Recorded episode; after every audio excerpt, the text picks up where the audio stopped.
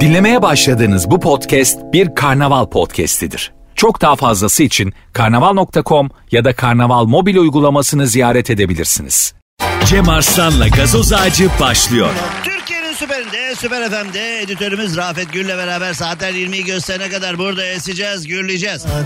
Başladığım zaman devamlı dinleyenler bilirler altın fiyatlarını veriyoruz ya hep altın coştu, altın gidiyor. Programın başında altın alan programın bitimine kadar kazanıyor falan. Bu sefer de altın 902 liraya düşmüş. Hayret. Daha birkaç gün önce 960'lara falan çıktı. Bir enteresan mevzu. Yani e, bir anlaşılmaz hikayedir altın meselesi. Yani önce düşüyor düşüyor. Gerçi şöyle bir gram altın 902 mi? Puh düşmüş falan diyoruz ama. Hani altın yatırımı yapanlar aman benim 3-5 külçeden bahsetmiyorum. Yani e, altın yatırımı yapanlar nasıl olur ya 950'den aldım 902 olmuş ya. Çok pis düştü abi ya. Altın kazandırır dediler. Altın bu mu senin insanlığın falan. Şimdi bir gram altının 902 lira da o. Ya 500 lira bile olsa bir gram altın 500 lira olur mu ya? Yani ilginç şeyler oluyor memlekette. Evet.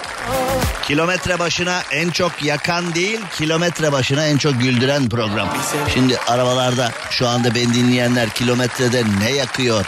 Bunun hesabına başladılar da birkaç gündür e, dizel ve akaryakıt fiyatları aşağı doğru gidiyor. Petrolcü bir arkadaşım var bugün yakıt alacaktım az al dedi. Az al daha da düşecek. Şimdi ihtiyacın kadar al depoyu doldurma dedi. Ben de öyle yaptım. Bugün benim tanka ben de bugün az bir şey aldım. 5000 liralık aldım yakıt.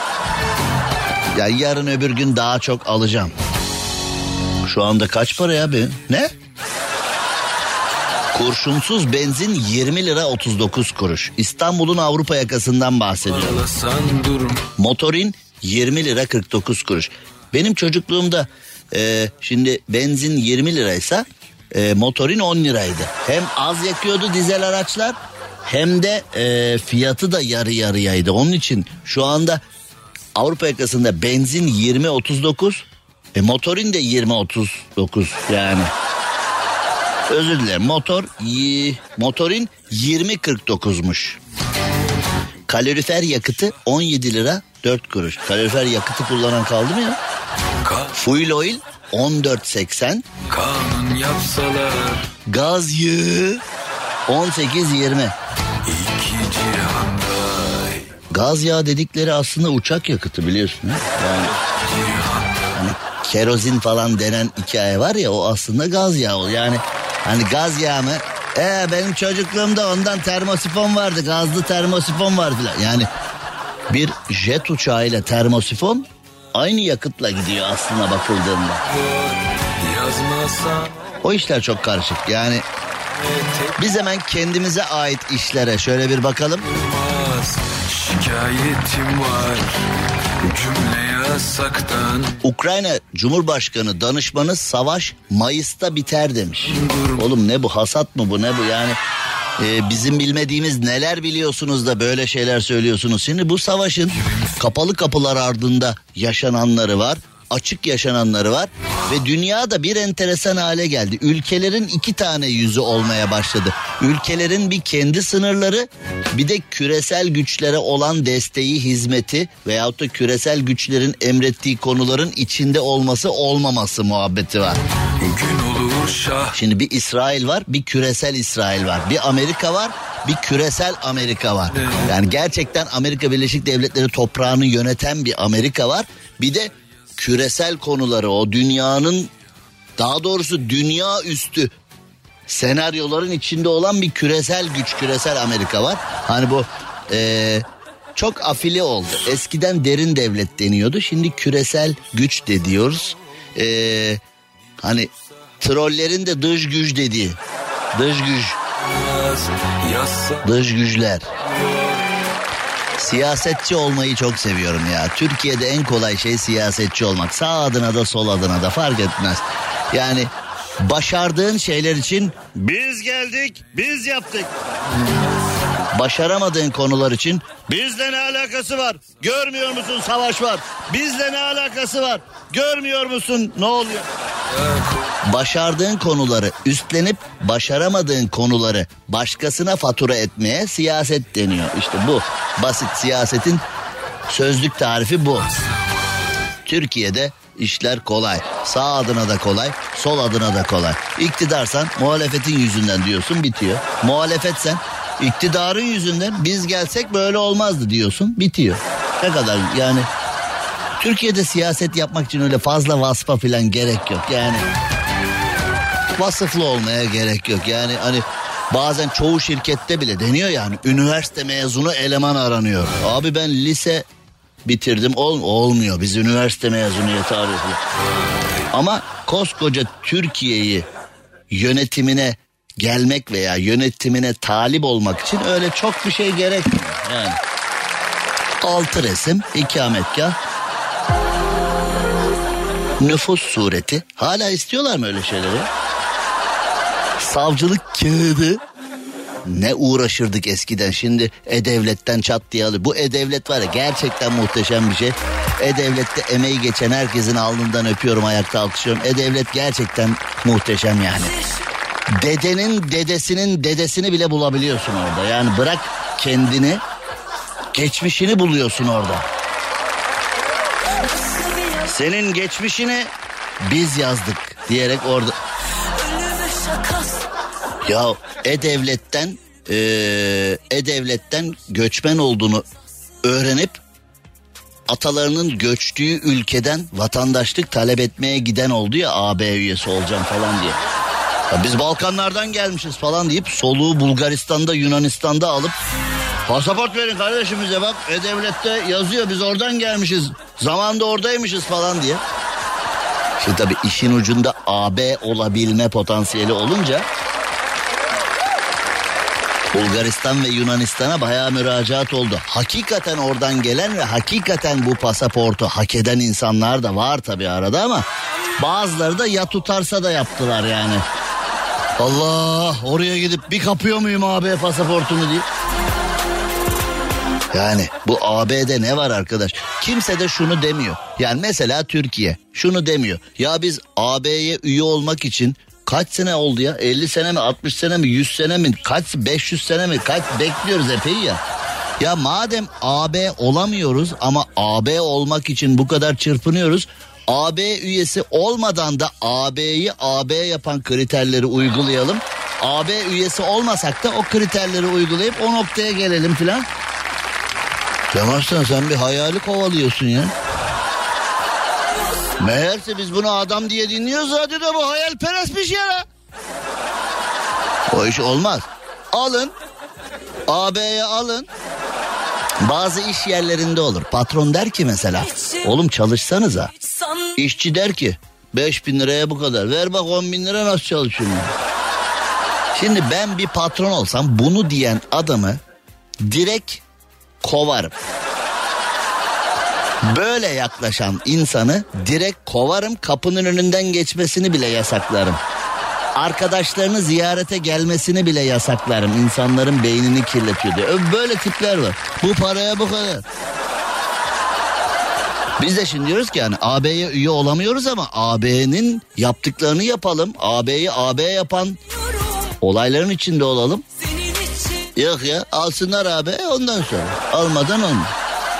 E onları da yapmadan almıyorlar işte. Olmuyor, olmuyor, olmuyor, olmuyor.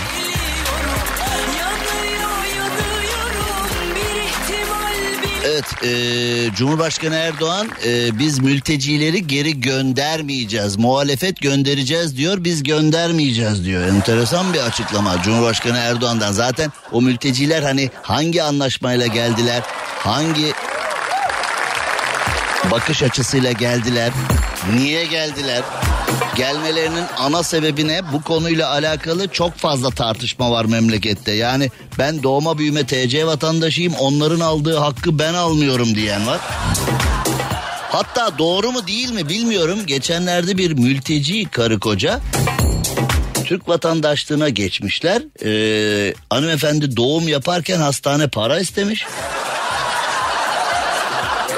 Mülteci ailede şikayet etmiş. Kardeşim biz mülteciyken beleş yaşıyorduk. Kimse hiçbir şey para istemiyordu. Vatandaş olduk her şey para biz vatandaş olmak istemiyoruz diye. Kendisine vatandaşlık veren kurumla kavga etmiş. Şimdi bu bir ee, fıkra mı? Bu bir gerçek mi şimdi? Sosyal medyada birileri bunun gerçek olduğunu iddia ediyor. Birileri kurgu olduğunu iddia ediyor. Birileri de e, kötü bir espri diyor. Ya zaten espri ise gerçekten kötü. Gerçekse ağlanacak durum. Yalansa da birisi iyi uydurmuş filan.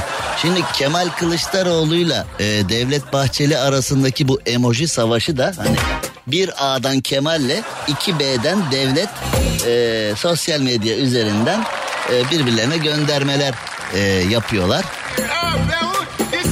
Yani e, bu tür konuşmalardan kimseye bir fayda gelmediğini ne Devlet Bahçeli öğrenebildi ne Kemal Kılıçdaroğlu öğrenebildi. Yani Devlet Bahçeli'ye de bakıyorum hani bir zamanlar toplumun üzerine ip falan atıyordu şöyle böyle filan. Hani Haliç'te siyasetçileri yıkıyordu, kirli siyasetçileri Haliç'te yıkayacağız falan diyordu. Şimdi bambaşka bir ee, noktada Hani ee, Süleyman Demirel diyordu ya rahmetli dün dündür bugün bugündür falan. Hakikaten ee, gerçekten öyle yani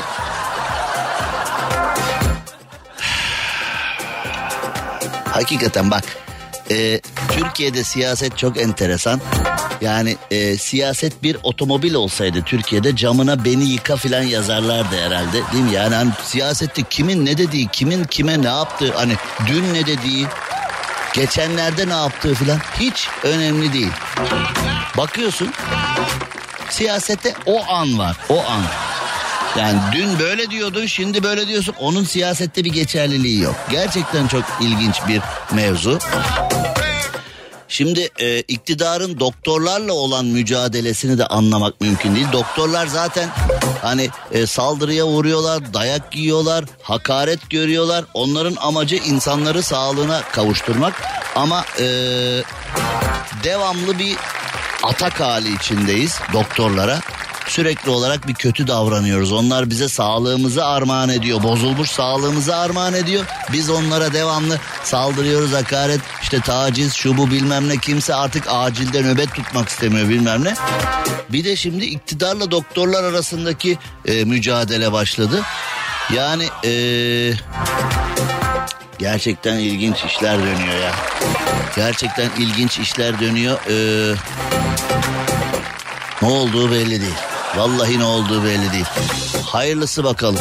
Şimdi ver şarkıyı. Cem Arslan'la gazoz ağacı devam ediyor. Evet ülkede neler oluyor, ülkede neler yaşanıyor noktasında çok enteresan şeyler oluyor. Ama dünyada da acayip şeyler oluyor. Dünya metropollerinden bir tanesi İstanbul'la başlayalım. İstanbul'da bazı hastanelerde randevusuz gelen yaşlı hastaların çantalarını çalan bir çete yakalanmış. Ya arkadaş nasıl bu kadar şerefsiz olabiliyorsunuz? Nasıl bu kadar adi aşağılık olabiliyorsunuz? İnanılmaz ya. Yani yaşlı vatandaşımız zaten demek ki kimi kimsesi yok ya da kimi kimsesi varsa da onunla ilgilenen yok. O da randevuyu almaya da belki e, bilgisi yetmedi ya da tecrübesi yetmedi ya da aklı ermiyor internetten hastane randevusu almaya kimse de yapmamış.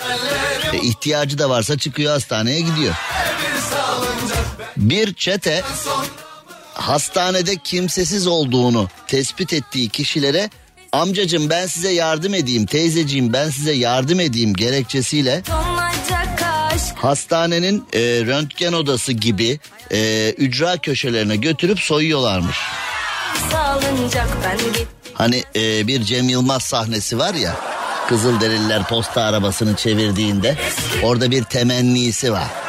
Yani olacak iş midir ya? Yani Ben size yardımcı olayım deyip e, hastanenin kuytu odalarına götürüyorlarmış. Orada da soyuyorlar. Cem Arslan'la gazoz ağacı devam ediyor. Şu MTV ödemenin kolay bir yolu yok. Haydi şimdi Akbank. Mobil'den kolayca ödeyebilirsin. Sen de hemen mobilden Akbank'lı ol, motorlu taşıt vergilerini mobilden kolayca öde. Detaylı bilgi akbank.com'da. Mobilin bankası Akbank.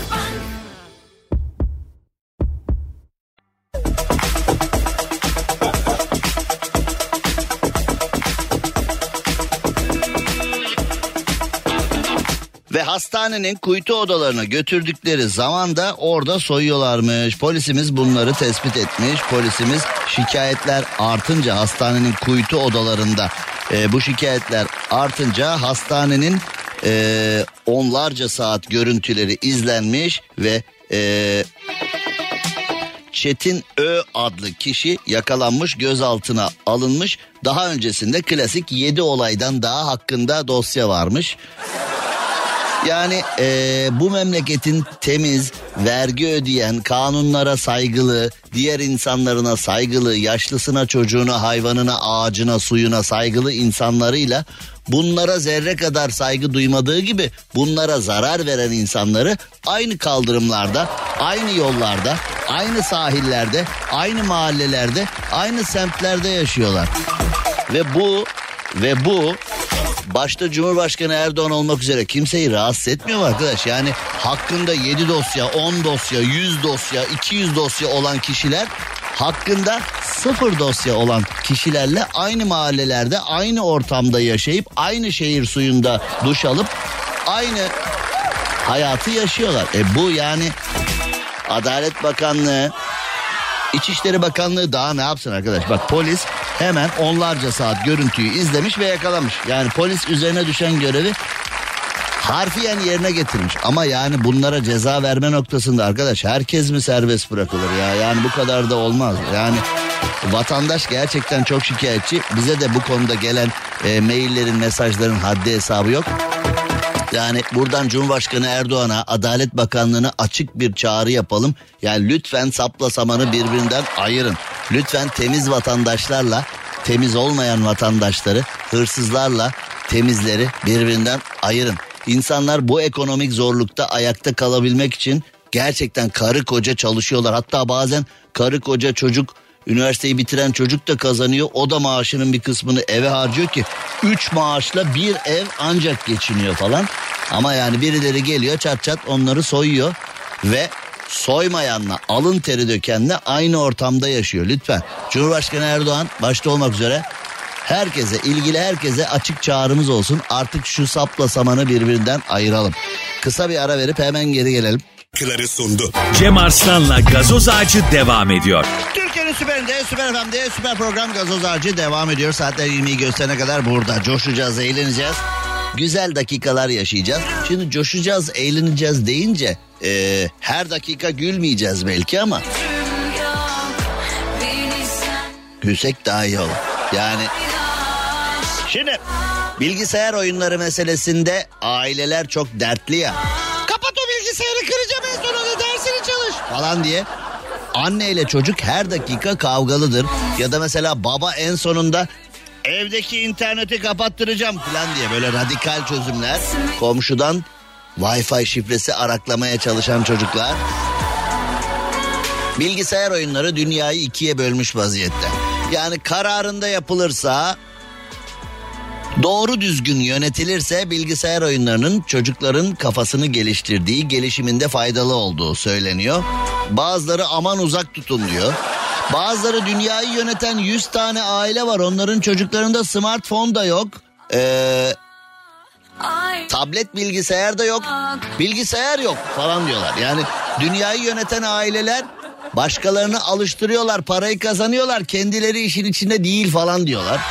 Birileri diyor ki ya dünyayı yönetecek kadar güçlü ve zengin sen dünya nimetlerinden niye yararlanmıyorsun arkadaş? Dünyayı yöneten 100 aileden birisin. Küçük bir evde smartphone'suz internetsiz, teknolojiden uzak mı yaşarım ben falan diyor bazıları. Kardeşim demek istediğim şey o değil falan diyor birisi. Konular iyice karışıyor. Bilgisayar oyunu iyi bir şey mi? Bilgisayar oyunu kötü bir şey mi? Bu konu tartışıla dursun.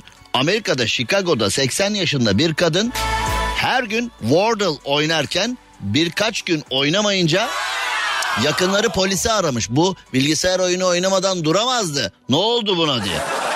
Derhal kadının evine gidilmiş ve kadının evinde bir bıçaklı saldırganın 80 yaşındaki teyzeyi esir aldığı görülmüş. Esir aldı derken yani hani bu kadın da bize esir aldı ya çocukluğunu anlatıyor bize falan. Hani öyle bir esir alma değil. Hakikaten e, bir kişi bıçağı çekmiş teyzenin boğazına yaslamış ve ne istiyor olabilir yani bir, ne istiyorsun ya? Rehin alan da bir üşütük çıkmış 17 saat sonra teyze kurtarılmış. Ve her gün bilgisayar oyununda kelime paylaşımı yapan kadın bu sefer yapmayınca ailesi demiş ki arkadaşları demiş ki kesin bir şey var ve hakikaten bir şey çıkmış. Yalnız e, teyzenin boğazına bıçağı dayayarak onu rehin alan kişinin bunu neden yaptığı anlaşılmamış. Re, yani teyzenin de ne kötü kaderi varmış arkadaş. Yani e, saldırganın manyağı da teyzeyi bulmuş. Yani eve girer normalde para ister pul ister arabanın anahtarını ver der bilmem falan. Bu sadece bıçağı dayamış. E sonra ne istiyorsun? Bu kadar benim olayım bu kadar yani. Yani Allah ne veriyorsa hayırlısını versin diyorsun ya. Yani saldırganın bile akıllısına denk gelmek önemli değil mi? Saldırganın bu eylemi niye yaptığını polis araştırıyormuş şimdi. Henüz bir şey bulamamışlar. Ben bir kadına saldır. Niye? Hiç saldırdım işte. Niye saldırıyorsun oğlum kadına? Yazık günah değil mi? Bana ne? Saldırdım işte. Yani Hani saldırdın para iste bir şey iste. Yok yok. Aklım o kadarına yetti. Ne isteyeceğimi hiç düşünmemiştim diyerek.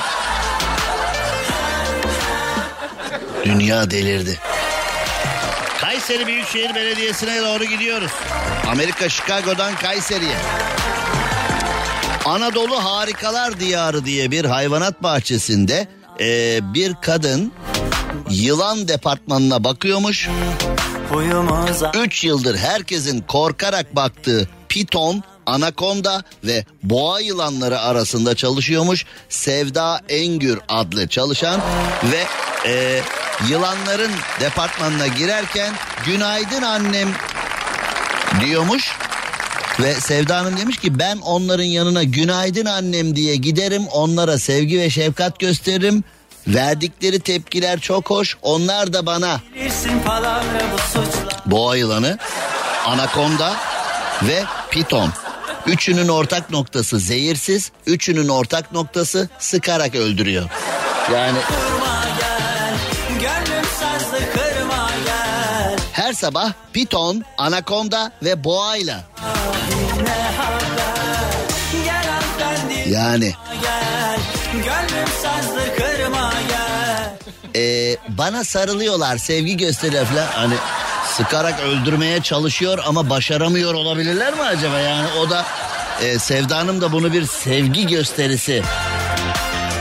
Sevda yüklü trenler boş raylarda ilerler. Bu şarkı ve o Doğuş'un salopeti aklıma geliyor. Bu klipteki salopeti hatırlıyor musun? Ne kadar şanslısın. Ben ise hatırlıyorum yani o salopeti. Yani ne kadar şanssızım yani. Bir de Doğuş şimdi Tarkan'ın Geçecek şarkısına karşılık geçmeyecek diye bir şarkı yapmış ya. Şarkı denk geldi demiş. Yani. Kayseri'de 3 yıldır yılan bakıcılığı yapan kadın herkesin korkarak baktığı yılanlara anne şefkatiyle rastlaşıyormuş. Allah Allah. Yani eee Onun için bir zamanlar utangaçmışım. Cem Bey ben bir kobra ile yaşıyorum evde. Ben devamlı zehirliyor. Yani eee adabı Bu hanımefendi piton, anakonda ve boğa yılanlarını bile insanları tanıdıkça piton, anakonda ve boğa yılanlarını bile sever hale gelmiş anladığım kadarıyla. Ee, bence insanlar daha tehlikeli olabilir. Bazı e, insan görünümlü kobralar, insan görünümlü mambalar, insan görünümlü neler var neler. Engerekler var engerekler insan görünümlü. Onlar öyle yan yan gidiyorlar ya bir de. Kadıncağız boğa, piton ve anakondaya e, sevgiyle yaklaşmış. Aslında bu çok özel bir şey. Kimsenin bağ kuramadığı canlıyla özel bir bağ kurduğun zaman bu daha değerli oluyor. Bir düşünün bakın evde yaşayabilir miydiniz acaba? Bir boğa, bir piton, bir anakonda. Yani şimdi bir anakondayı e, Brezilya Amazon ormanlarında filan buluruz herhalde. Anakonda nerede? Kayseri'de deyince. Ha?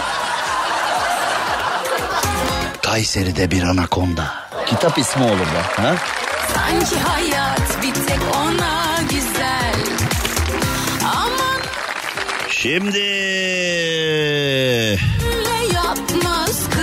Eski Pentagon yetkilisi UFO görevindeki mühendisin evine kurt adam geldiğini söylemiş. Oğlum biz de bunları hani şimdi bunu yani mesela e, Selçuk Bayraktar söylese bunu. Hani biz uzay çalışmaları yaparken e, eve bir kurt adam geldi falan diye Selçuk Bayraktar çıksa açıklama yapsa. Yani bütün ülke, troller filan bilmem ne hepsi onu mahvederler. Selçuk Bayrak değil mi? Yani Selçuk Bayraktar dese ki uzay çalışmaları yapmasaydık keşke ya. Her akşam kurt adam geliyor eve. Karakolla arkadaş olduk ya ben arıyorum. Alo. Şimdi bunu Pentagon açıklayınca bütün dünya vay Allah Allah ne kadar enteresan filan diyor. Peki şimdi e, bir Pentagon yetkilisinin e, UFO görevine gittiğimiz için eve kurt adam geliyor cümlesinin ayrıntılarını kısa bir aradan sonra stüdyomuza kurt adamlar. Cem Arslan'la gazoz ağacı devam ediyor. Türkiye'nin süperinde, süper FM'de, süper program gazoz ağacı devam ederken az önceki konuyu hemen tamamlayalım. Eski Pentagon yetkilileri UFO görevindeydik. UFO görevindeyiz diye kurt adamlar akşamları evimize geliyordu. İki bacakları üzerinde yürüyorlar, camdan içeri bakıyorlar, çoğu zaman da camı tıklıyorlar demiş. Bir de türkü tuttursalarmış bu kurt adamlar. Bir taş attım pencereye. Oğlum bu nedir ya? Yani bunları hani Pentagon yetkilisi söyleyince millet de böyle bunları bir şey zannediyor. Bu söylemlerden yola çıkıp Hollywood senaryoları falan hallediliyor. Ya kaldır şunu gözümün önüne bu ya? Gündüz Pentagon'da görev yapıyorum diye kurt adamlar beni tehdit ediyor. Evimin bahçesinde camı tıklıyorlar demiş. Dua et seni ee, daha değişik aktivitelerle buluşturmuyorlar. Yani gel de Cem Yılmaz'ı anma şimdi. Harbi güzel, su güzel de. Yapmasalar bari etmeseler bari. Bu nedir arkadaş ya? Yozgat'ta bir oyun parkında e, kurtlar dolaşmış. Vatandaş köpek zannetmiş. Belediyeyi çağırmışlar. Çocuklar oynuyor burada. E, köpekler var başıboş köpekler korkuyoruz diye. Belediye gelmiş. Bunlar zaten köpek değil kurt demiş. Oğlum yeri geldiğinde köy çocuğuyuz oğlum biz falan. Hep hava atılır ya. Mesela bir ağaca tırmanılacaktır ya da bir şey olur filan. Köy çocuğuyuz oğlum biz 15 yaşına kadar çobanlık yaptık köyde. Köy çocuğuyuz oğlum biz ağaçtan inmiyorduk biz. Kanalda yüzüyorduk. Mısır yapıyorduk közde bilmem ne falan. Hani oğlum hani köy. Hani hani çok. Kurtlar çocuk parkına gelmiş. Armadı. Belediyeyi köpek var diye arıyorsunuz. Hani köy çocuğu tanıyorduk falan. Bir... Sede halimi sormadı. Hani yani köpek diye Allah'tan yalnız tanımamaları çok hayırlı olmuş. Çünkü başıboş köpekler diye korkmuşlar. Bir de kurtlar olduğunu baştan anlasalardı. Başıboş kurtlar diye. Or- köpek zannederek bu kadar korktunuz başıboş. Arkadaş hayvanların tabii yaşam alanını mahvettik. Hayvanların yaşam alanını mahvettik. Ormanda yaşaması gereken hayvanlar bizim ormanımızı mahvettiniz. Biz de sizin hayatınızı mahvedeceğiz diyerek adeta aralarında anlaşmış gibiler yani. Ee, doğaya sahip çıkmazsan kimsenin umrunda değil. Memlekette göller kurudu, akarsular kurudu, dere yataklarına plansız programsız evler yaptık. Erozyonlar, seller, şunlar bunlar. Doğayı perişan ettik. Şimdi de Allah'ım kurt geldi. E gelecek kurt ne yapsın? Ormanda beni mi yiyecek? Ne yapacak yani? Hayvancağız ne yapsın başka? Geliyor işte. Aranmaya geliyor. Bir şey yer miyim acaba diye. Kırmızı başlı kız masalı gerçek olacak galiba. Kaynana mı yesin? görüyorum an Olur o da olur inşallah. adamla zamanla eriyorum.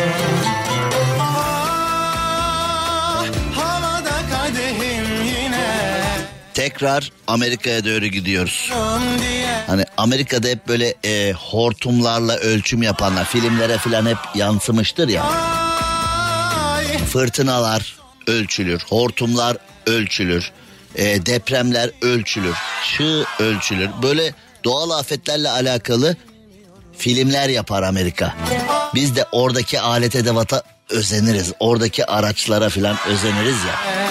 Yani tam fırtınanın ortasında ya da tam hortumun ortasında hortumun gücünü ölçmeye çalışan acayip araçlar vardır böyle NASA'dan bozma filan. Biz onlarla hani İstanbul sokaklarında gezmek istiyoruz. O bu ol- abi şu araçtan olacak var ya. Oo. Ne gezeriz Bağcılar, Esenler, Yeşilköy, Bakırköy. bilmiyorum. Oğlum onu doğa için yapmış adam ya.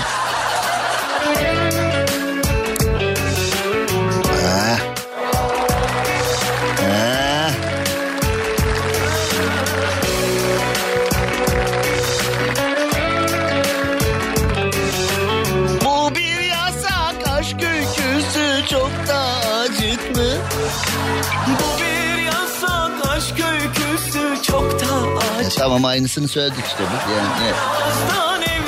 Bana inanmıyorsunuz Robert'e mi inanıyorsunuz? Şimdi bu şarkı ilk çıktığı zaman hatırlıyorum. Şarkıda söz müzik Robert Atemo yazıyor. hediyem şarkımda Şimdi e, çok ünlü bir müzisyen vardır. Arap dünyasının Serdar Ortaç'ı gibi. Hem kendi şarkıları çok seviliyor hem de birçok insana şarkı veriyor. Şarkıları çok dilde yayınlanıyor falan. Amr Diap diye bir e, Arap müzisyen var. Çok da seviliyor. Bu şarkının müziği ona ait. Ama söz müzik Robert Atemo yazıyordu kartonette. Sonra dediler ki yuh hani bu kadar da olur birebir aynısını yapmışsınız. Nasıl söz müzik Robert Atemo falan dendi. Sonra dendi matbaa hatası yani.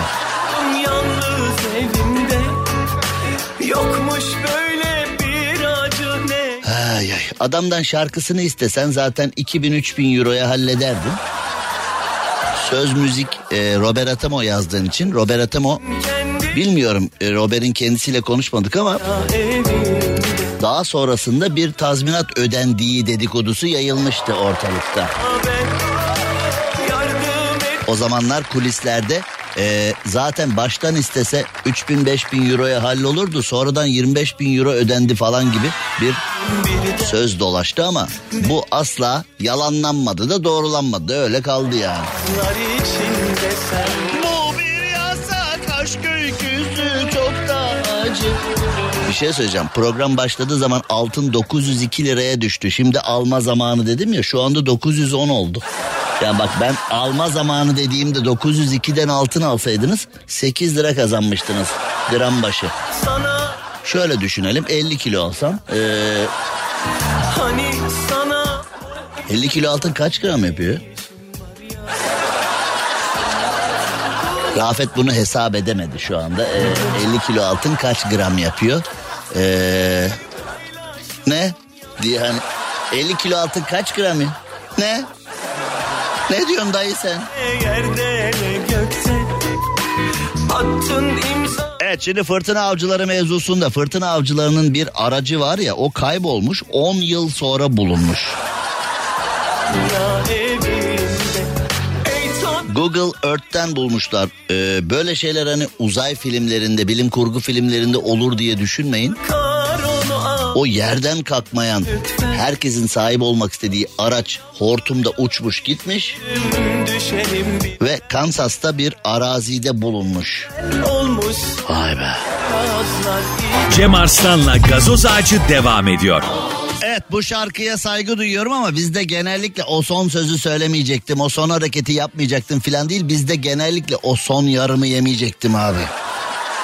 Biz Rafet'le beraber dün eee, Adem Usta'ya gittik Mecidiyeköy'e köfteye. Eee, birer ekmeğe köfte yedik. Bir ekmeğe yani birer ekmeğe köfteyi beklerken de eee, yarım ekmeğe kavurma yedik. Yani köfteyi beklerken boş durmayalım. Yarım ekmeğe kavurma yedik. Arkasından da bir ekmeğe köfte yedik. Sonra Rafet'le birbirimize baktık. Birer çeyrek daha boğar mıyız baba diye. Sonra birbirimize şöyle dediğimizi hatırlıyorum. Yok abartmayalım. Yani bir buçuk ekmek adam başı bir buçuk ekmek yedikten sonra yok abartmayalım tadında bırakalım. Tadı abartmayalım tadı tadı abartmayalım abartmayalım tadı. Yani bu şarkıyı ben Abi o son yarımı yem.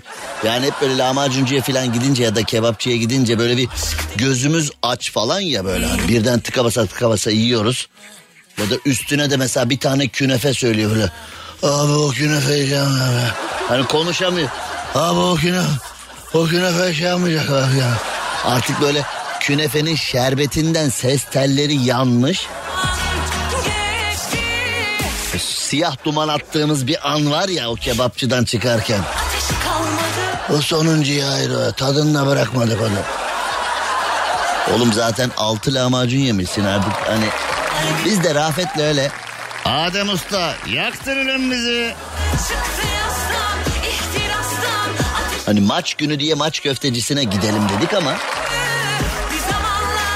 O son yarımı yemeyecektik o son yarım. Oğlum biz ne zaman girdi? Yani bunu eee, sipariş verirken de ayıp oluyor. Adem Usta bir yarım ver bir ekmeğe de köfte yap. Bir ekmek mi? Şimdi bir ekmeği yiyenlerin bir avuntusu var ya o avuntuya biz de düştük dün akşam. Aman abi ekmekler eski ekmek gibi değil poğaça gibi ya ekmek dediğin ne öyle bir ekmek dediğin poğaça kadar ya bir şey değil. Hani kendimizi öyle avuttuk ve ben e, bir ekmeğe köfte dedim ama şimdi beni dinleyenler kınamasınlar içine aldırdım. Adem Usta da bana diyor ki ya bir ekmeğin içi mi var ki alalım diyor. Ne demek içi mi var ki alalım? Yani fırından içsiz mi çıkıyor? Yani içli ekmek, içsiz ekmek. Aslında güzel bir iş kolu olmaz mı? Rejim yapanlar için içsiz ekmek. Baştan içsiz yapılsa olmuyor mu? İlla içine al içini. Baba bir yarım köfte içine alamadı. Altı lahmacun yiyip zero içecek ya da altı lahmacun yiyip e, kola light olsun falan diyenlerden dik herhalde. Bak ben bunu fırıncılar odasına söyle. Boş baklava yapıldı ya. Şimdi e, Ukrayna ve Rusya savaşıyor. İki ülkede dünyanın e, buğday ambarı pozisyonundaydı. Bu savaş bir an önce bitmezse ekmek 10 lira olursa... Gerçi bizim siyasetçilerin... E, bizim siyasetçilerin e, tuzu kuru, dış güçler deyip geçecek. Ekmek 10 liraya ekmek mi olur? Ne oluyoruz filan dediklerinde... Savaş var oğlum Allah Allah. deyip Sözlerin ağlatır sözlerim yani... sanma şimdi Çok ilginç bir eee, noktaya geliyor işler. İçsiz ekmek gibi, boş baklava gibi. Boş baklava vardı kilosu 19 lira. Dün birine hediye almam gerekti. Eee, elim boş gitmeyeyim dedim. Bir kilo cevizli baklava alayım dedim Taksim'de. Biz zenginler sormayız kaç para falan diye. Bir kilo cevizli baklava dedim. Tabii abi falan dedi. Kasaya fişi ödeyin gelin dedi. Tabii dedim. 194 lira. Ya arkadaş şimdi hani baklava bizim tartışması yapıyoruz yani. Yunanlılar nereden çıktı? Baklava bizim tatlımızdır. Yalnız bu arada ee, şimdi Yunanlılar baklava elbette bizim tatlımız ama Yunanlılar yiyebiliyor. Çünkü onlar euro kazanıp TL ile alabildikleri için onlar hani baklava bizim tatlımız ama biz yiyemiyor. Biz sadece üretebiliyoruz ama biz alıp yiyemiyoruz. Tatlı bizim biz yiyemiyoruz. Avrupalı çok rahat yiyor. Avrupalı dünya yiyor. 2 euro atıyor dünya yiyor. Biz alabiliyor muyuz? Yani şimdi 10 euro olarak düşündüğün zaman onların 10 TL'si yani onlar açısından baktığın zaman 10 TL'ye bir kilo baklava alıyor. Biz 10 liraya alabiliyor muyuz? Sonra baklava bizim oğlum falan diye hava atıyor. Baklava bizim tatlımız. Yunanlılar orada bir atak yaptılar ama Allah'tan hallettik falan diye. E tamam hallettin de. Baklavanın patentini alıp kendisini alamamak ne ağır duygu anne. Bu ne yaman çelişki anne. He? Başım belada. Tabancamı unuttum helada diyerek hani bu ne arkadaş bu ne yaman çelişki böyle bir şey olur mu ya baklavanın hakikaten bak şu anda aa şu anda dank etti baklavanın patentini aldık ama kendisini alamıyoruz. Oğlum 194 lira cevizli baklava 194 lira olur mu ya? Varsın sen 194 lira olur mu dedim. kalbime Abi iki tane fazlası var dedim. Oğlum iki tanesi kaç para ediyor ki bunun iki dilimi yani? Bu nedir arkadaş ya yani? Künefe her şeyin üstüne gider onun üstüne bir de tavla oynamak lazım dedim. Oğlum nasıl bir nasıl bir özel hayatın var senin ya? Herhangi bir yemek üstüne künefe üstüne tavla. Tavlayı nesine oynuyor künefesine yani. Fakat şimdi bir künefe olacak üstüne de bolca maraş dondurması ha. Bir de böyle bir avuç fıstık dökeceğim üstüne filan. Ee, şu anda Allah belanı versin e, diyenlerden şikayetçi değilim. O kadar haklısınız ki Allah belanı versin bizim aklımıza soktun bunu diyenler son derece haklılar ama şöyle güzel kıtır kıtır bir künefe ha? Üstüne böyle bir Maraş dondurması kaymak değil Maraş dondurması. Üstüne de ha? Daha artık bunun üstü yok artık bunun üstü hani vay be delirtir bu adamı vallahi bak vallahi de tavla değil Şarkılar varken bitmek bir tavla değil var ya maraton koşarsın bununla. yaşanmışlıkla Evet devam edelim hemen programımıza. Bir sürü konuşmamız gereken şey var. Biz boş boş takılıyoruz yani. Bu arada e, meteorolojinin söylediğine göre dört gün daha kar yağacakmış. Hasretinle Evet e, sevgili kayınpederim Hüseyin Engin. Biz ona Hüseyin Reis diyoruz. Ailemizin reisi Hüseyin Engin'e selamlar sevgiler canım kayınpederime. Biz Bursa'da döner yedik porsiyonu 95 lira demiş. Kadircan'a ödetseydiniz.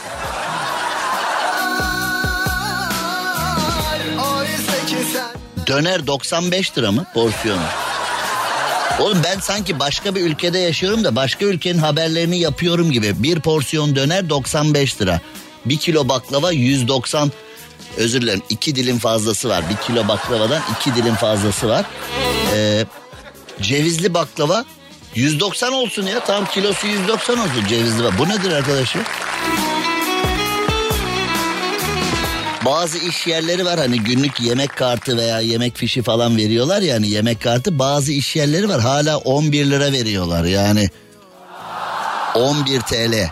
Ee, yemek kartına günlük 11 TL tanımlayıp gidin bununla doyun diyor. 11 TL'ye kim hani 11 TL'ye ee, bazı lokantalar yanında ekmeği de sınırlı veriyorlar. Eskiden hani bir tas çorba söylüyordun yanında iki ekmek yiyordun falan. Şimdi artık onu kaldırdılar. Hani bazı lokantalarda böyle kocaman bir kova olur. içi ekmek dolu olur. Bir tas çorba iki ekmek yiyor. İnsanlar ne yapsın? Ee, parası yok. İnsanlar ne yapsın? İş yerinin verdiği rakam anca ona denk geliyor. Yani ee, bir insanın gerçekten doyabilmesi için buradan ee, çalışanlara seslendiğimiz gibi patronlara ve yöneticilere de seslenmiş olalım. Bir insanın doyabilmesi için uygun rakamların tanımlanması lazım kartlara ama ee, öyle olmuyor. Ee, abi öğle yemeğinde bir kase çorba içtim 15 TL verdim demiş. Ya bir çorba 15 ne çorbası bu? Hani ejderha meyvası çorbası falan mı acaba? Yani e, yasal sınır Aa, hemen bir mesaj gelmiş. O mesajdan hemen e, dinleyicimize bakalım. E, Ankara'dan Umur yasal sınır 38.50 demiş. O zaman birçok firma yasal sınırın altında demek ya. Yani ben bizzat e, yemek kartına 11, 15, 20, e, 28 filan o civarlarda tanımlayan yerler biliyorum ben. Ama bazı yerler de var şimdi onların da hakkını yemeyelim. Bazı yerler de var mesela 50, 60, 70 lira filan tanımlayan yerler de var tabii ki. Onlara da buradan alkışlarımızı onlara da teşekkürlerimizi yollayalım.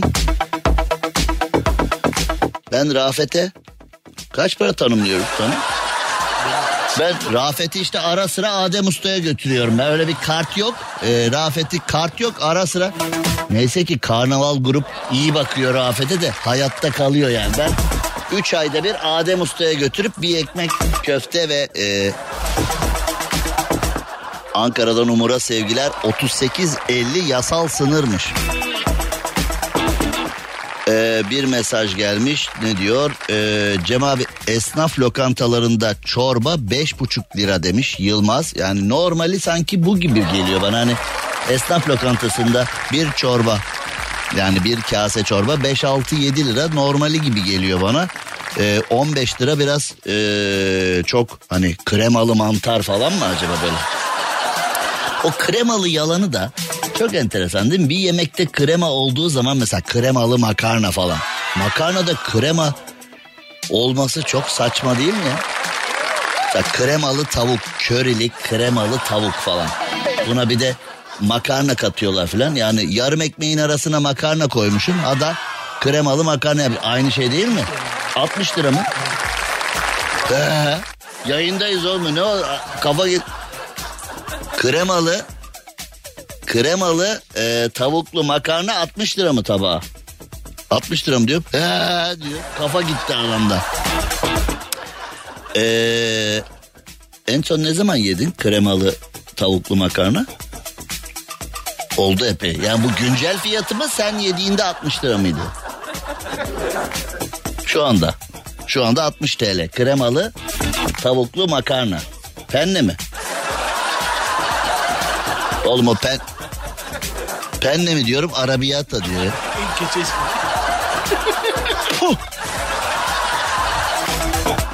Bunu bir buçuk ekmek bozdu bunu. Bak program başladığında 902 TL'ye altın alsaydınız şu anda 912 TL oldu altın. Ya altın kaybettirmez diyorum size. Sana fazla ekmek yaramıyor. Bir dahaki sefer söyle sana ekmeksiz şey yapalım. Ekmek seni manyak etti biraz. Ee, şarkıyı. Cem Arslan'la gazoz ağacı devam ediyor. Cem'i ben İngiltere'de yaşıyorum ve sürekli sizi dinliyorum. Biraz önce söylediklerinize kayıtsız kalamadım. Broşürü de gördüğünüz gibi e, Türk mutfağında olan her şey Yunanlılar sahiplenmiş. Birkaç ürün daha vardı bulamadım demiş. E, dinleyicimiz yollamış. E, dinleyicimize İngiltere'den bizi dinleyen dinleyicimize sevgili Büşra'ya selamlarımızı yollayalım. E, Yunan mutfağı diye e, dinleyicimizin de ağrına gitmiş doğal olarak. Mesela musakkayı almışlar. E, musakkaya Yunanlılar sahip çıkmış Türk yemeği diye. E, Ne farkı var? bizim künefemize sahip çıkmaya çalışmışlar.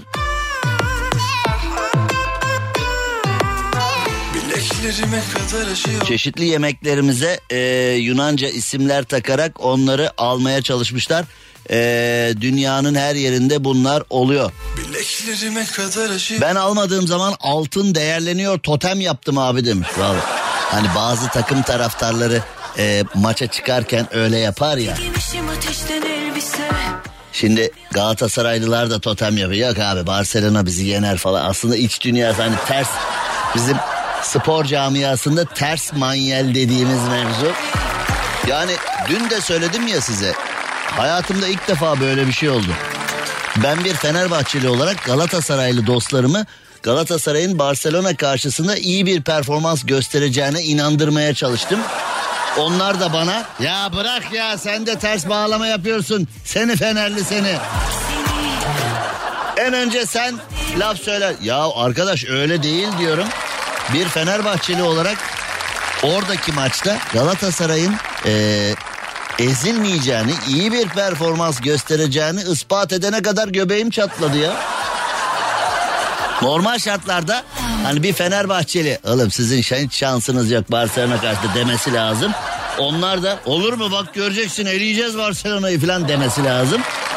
Aa.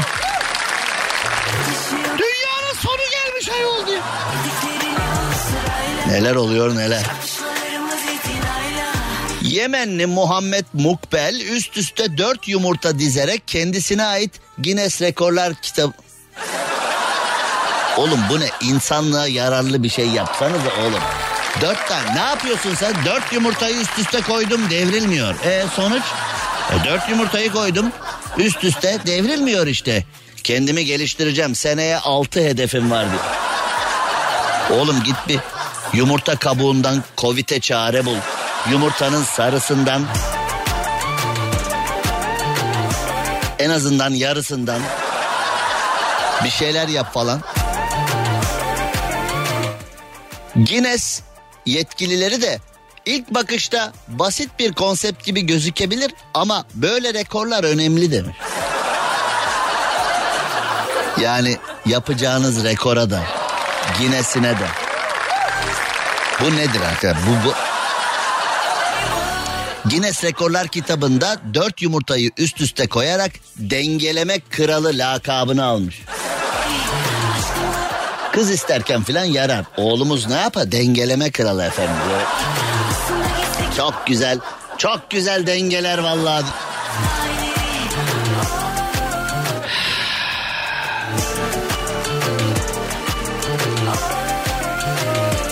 İstanbul'da yarım milyon değerinde kaçak mazot ele geçirilmiş. Operasyonla alakalı iki kişi gözaltına alınmış akaryakıtın tır parklarında satıldığı öğrenilmiş. Kaçak yakıt. Valla yakında evde yapmaya başlayacağız. Yani dört yumurtayı üst üste koyacağına yumurta kabuğundan mazot yapmayı filan halletseydin de. Şimdi bak ben sana bir şey söyleyeyim mi? Orada da başım belaya girer. Mesela ben desem ki kereviz sapını kaynatıp e, sirkeyle bekletiyorum. içine sarımsak da katıyorum ve burada söyleyemeyeceğim bir final madde ekliyorum. Üç gün içinde o bidonlarda mazota dönüşüyor falan diye böyle açıklasam evin balkonunda mazot yapıyorum abi ben. Komşulara da ucuz ucuz veriyorum filan desem hatta çiftçiye bedava. Çiftçiyi korumak için, çiftçiyi desteklemek için evde kereviz sapıyla sirkeden yaptığım mazotu beleş veriyorum filan desem mali şube beni var ya kaç dakikada alır belli değil yani. Hani bahçeye helikopterle inerler. Şş, la hey o sahte mucize şş la ya. Bizi uğraştırma gel teslim ol kendin. Yavuzlar etrafın soruldu. Mazot bidonlarıyla beraber teslim ol etrafın soruldu kaçamazsın. Nereye kaçayım zaten? Balkon mazot dolu nereye kaçayım? Bak beni tutuklarsan tutuştururum balkonu. Ben kaç para kereviz parası harcadım buna biliyor musun sen? Kaçak mazotu ele geçiriyorsun. Evde yapsan da başın belaya giriyor.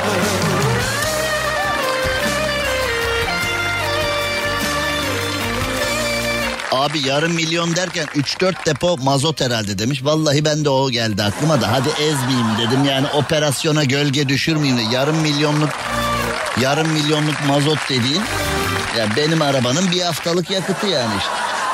Araba dedim arabamdan özür diliyorum. Benim tankın bir haftalık yak... Boşuma geldi görüyor musun? Çocuğu üzdük şimdi. Bak araba araba dedim durduk yere. Hiç uyarmıyorsun da. Abi ayıp ettin diye. Şimdi tepki olarak biraz sonra yayından sonra çalışmıyorum ben de derse Basmıyorum marşa derse ne cevap vereceğim? Ya ben arabayla konuşuyorum da o yüzden. Yani o Kara Şimşek benim arabadan esinlenerek yapılmış bir dizi. İstanbul Kaçakçılık Suçlarıyla Mücadele Şube Müdürlüğü ekipleri uzun süredir takip ettikleri Pendik Sanayi Mahallesi'nde bulunan bir tesise baskın düzenledi. Şimdi uzun süredir takip edilen derken bu hani takip süresi uzayınca hani onlar da arada hala devam ediyorlar mı acaba hani? Bir yıl takip ettik evet. Bir yıl kaçırdılar evet. Yani e, bir yıl sonra yakalanıyorlar ama yani. Acaba geriye dönük de o hani o kaçakçılığın hani teknik takip devam ederken ki mevzu oradaki haksız kazanç falan geriye dönük tahsilat yapılabiliyor mu acaba? Kafamda deli sorular. İki kişi gözaltına alınmış. 30 bin litre. Şimdi e, 30 bin litre mazot ele geçirilmiş. Mazot biraz daha varoş ağız mı kalıyor? Yani diesel yakıt. Hani dizel mi? Mazot deyince biraz varoş kalıyor değil mi ya? Hani bir de önemli ya mesela akaryakıt istasyonuna gidince kardeş euro dizel doldur falan hani bak şimdi dizel euro dizel bunun yanı mazot ver mazot Ma, hani böyle mazot çok böyle alt perde kalmıyor mu ya? 50 liralık mazot ver. Maz ne mazotu oğlum? Mazot ne? Ya şimdi ben orada kardeş euro dizel dolduralım filan derken yanımda abi 50'lik mazot oradan. Sen nereden çıktın oğlum? Mazot ne oğlum? Mazot ne mazot diye. Mazot işte mazot. Arabaya koyuyoruz gidiyor araba mazot. Acaba farklı mı? Ha? Hani ee, berber değil saç designer falan hani gibi ya da tezgahtar değil satış danışmanı falan gibi bir şey mi acaba bu mazotla dizel ha? Mazot başka dizel başka mı? Oğlum bir şey de bil be. Ee, efendim anlatayım ben bir dakika falan deyip bir konuya gir bir şeyi anlat be. Bir kere de bizi bak mazotla dizel arasındaki fark nedir diye Google'a yazıyorsun. Utanmayacaksın değil mi bunu Google'a yazmaya? Puh. Ee, mazot mu dizel mi? Ya bas bakayım ona ne yazıyor? Oradaki linkte mazot dizel mi? Hayır mazot bir benzin çeşidi falan mı? Mazot veya motorin dizel motorlarda kullanılan ham petrolün damıtma ürünlerinden biridir. Ham petrolün damıtılması sırasında 200-300 derece kaynama aralığında kaynatıyor. Aa, Mazotu kaynatsam olur mu katran ya da hani 300 derecede kaynıyormuş. Ha. Mikrobunu öldürüyorlar. Mikrobu kaynatıp bir tülbentle de süzüyorlar mı sonra acaba? Petrolü 300 derecede kaynatıp tülbentle süzüp mazot yani e, ince çelik elekle e, süzülürse onun adı dizel yakıt. Tülbentle süzersek daha e, hani daha böyle geleneksel o mazot oluyor. Bu ne oğlum? Tam petrolü ham meyveyi kopardılar dalından. Beni ayırdılar nazlı. Vay be rahmetli Barış Manço ne söylerdi bunu? Ham petrolü kaynatırlar 300 derecede süzerler al sana dizel tepe tepe kullan ha. Bazı şeyleri bilmemek lazım herhalde. Anladığım kadarıyla dizel motorun tipi yakıtına da motorin veya dizel yakıtı deniyor ya da ben hiç anlamadım atıyorum şu anda. Yani bir, ben bu konudan uzaklaşabiliyor muyuz? Cem Arslan'la gazoz ağacı devam ediyor. Türkiye'nin süperinde, süper FM'de güzel bir haber vereyim. İstanbul'da barajlar yüzde 84'e çıkmış. Yaşa lan baraj. İstanbul'da kar yağışından sonra barajlarda doluluk oranı artmış. Güzel. Gayet güzel. Hadi gelsin toplasın her şeyi dün dün Amerika'da bir adam tutuklanmış. Amerika'da her dakika biri tutuklanıyor. Fakat neden tutuklanmış? Adamın cebinden 9 tane yılan, 43 tane boynuzlu kertenkele, 52 ayrı küçük torbada hayvanlar çıkmış. Yani abi yürüyen hayvanat bahçesi. Yani Şimdi adamın üzerinden 9 tane yılan çıkmış bir erkeğin. Yani bir erkek 9 tane yılanı nerede saklar? Kıymetli bir soru. Yani şimdi bunu durduran polisle de erkek arasında manasız konuşmalar geçmiş olabilir. Dur bakayım dur dur. Dur freeze stop stop. Evet. Yes Mr. Officer. Üzerinizde yılan var. evet var diye. Yani hani adamla memurun konuşmasını düşünsene. Yani bir polis adama diyor ki üzerinizde yılan var gördük. O da diyor ki evet var. Ama siz birini görmüşsünüz. Sekiz tane daha var diyerek. Manasız konuşmalarda bugün.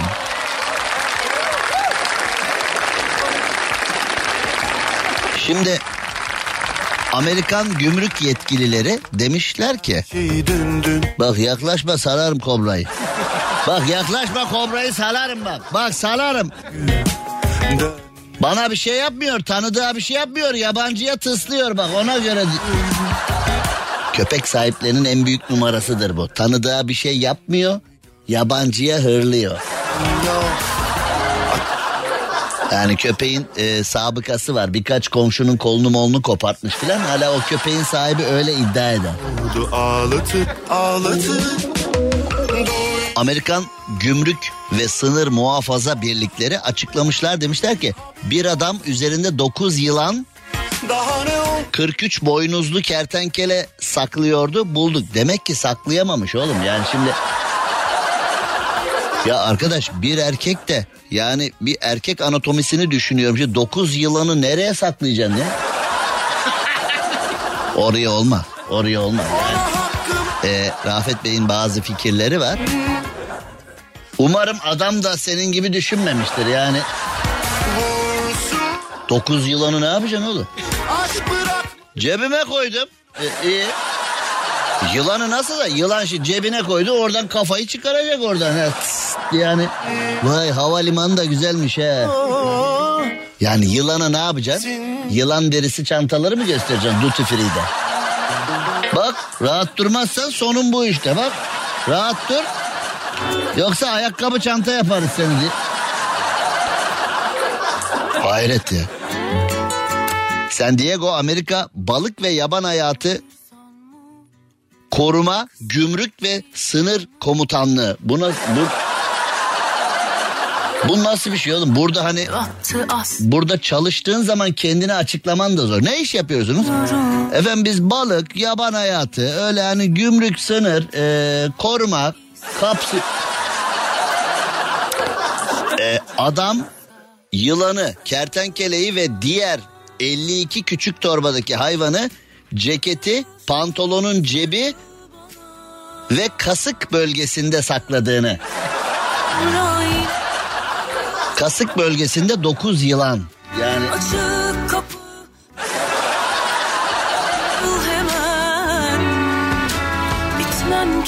San Diego'daki yetkililer bu kaçakçılar ürünleri ya da hayvanları canlı olarak ülkeye sokmak için her yolu denerler ve biz de yakalarız demiş. Vay be. Olur böyle vakalar Türk polisi yakalar diye bir duvar yazısı vardı. Demek ki San Diego polisi de vakalara yabancı değil.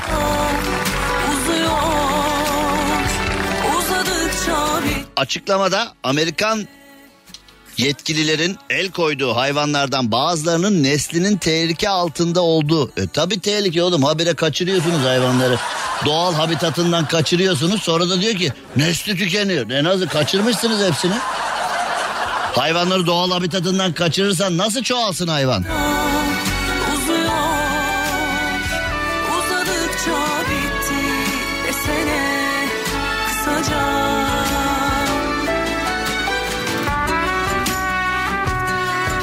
Yani bu biraz enteresan bir durum. Yani 9 tane yılanı pantolon cebi, ceket cebi ve kasıkta kaçırmak. Ne kasık varmış adamda be. Ha?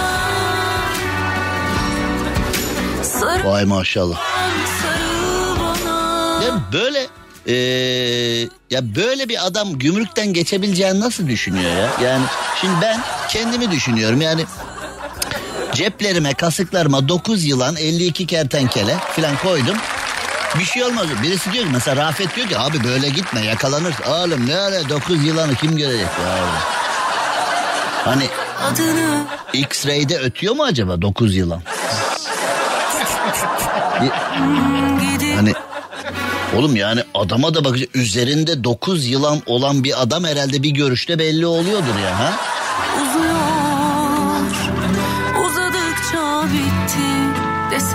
Yani mesela sesten falan da hani koro çok sesli yılan korosu tıs tıs tıs tıs tıs tıs tıs tıs tıs tıs tıs tıs tıs diyerek ha?